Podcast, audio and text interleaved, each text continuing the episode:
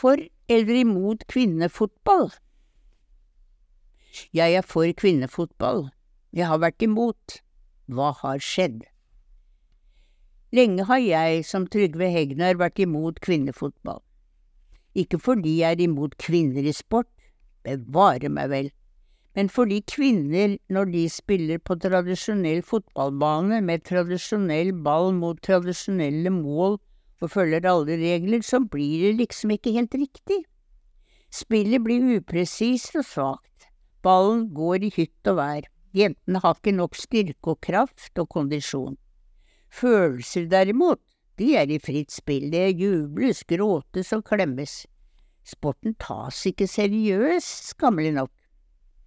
Hvorfor oppleves det slik så jentete?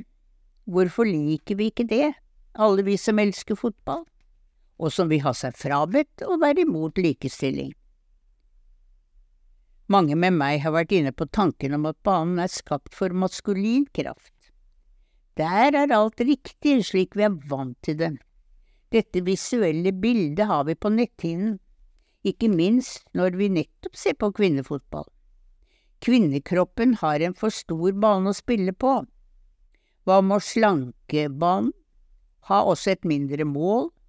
På samme vis som en håndballbane er perfekt for kvinnekropp, så kan banen bli for trang og klaustrofobisk for mannekraft, med voldsom kropp og styrke.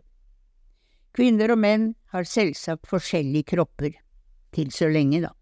I idrett av mange slag er derfor banene atskilt. Løpene arrangeres for menn og for kvinner. Tennis har tre sett for kvinner og fem for menn. Ikke fordi kvinner ikke kan greie alt, og det meste, men de konkurrerer ikke samtidig med menn.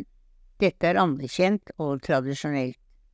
Det er dette som nok en gang rammer kvinnefotballsyndromet her hjemme, med stor kraft. Siden det er VM, selvsagt, men debatten har kommet og gått i alle år. Feminister har fått nok en kampsak. Trygve Hegnar blir kjent som kvinnefiendtlig like godt generelt sett. Han tas aldri saklig og på alvor hvor skyttergravene fylles. Søndag satte man seg, seg til i dårlig hjemmevær for å se Norge mot Filippinene i en helt avgjørende kamp. Vinn eller forsvinn. Jeg hadde ikke tenkt å se kampen, var også blitt mindre motivert på grunn av mediekjør med intern krangel og usmakelig utfall og innfall.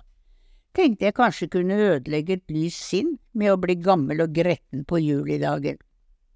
Jeg ble omvendt, jeg ble revet med og jublet og heiet. Jeg fant nøkkelen til å se kvinnefotball med åpent sinn og andre øyne.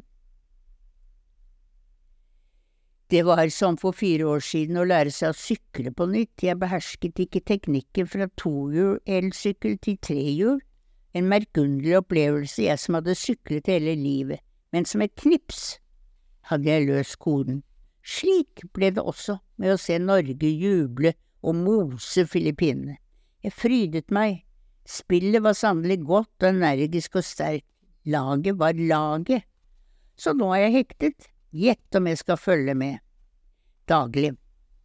Følgelig, det gjelder liksom å finne en ny frekvens, både visuelt og mentalt, sette på en annen kanal i hodet og sinn.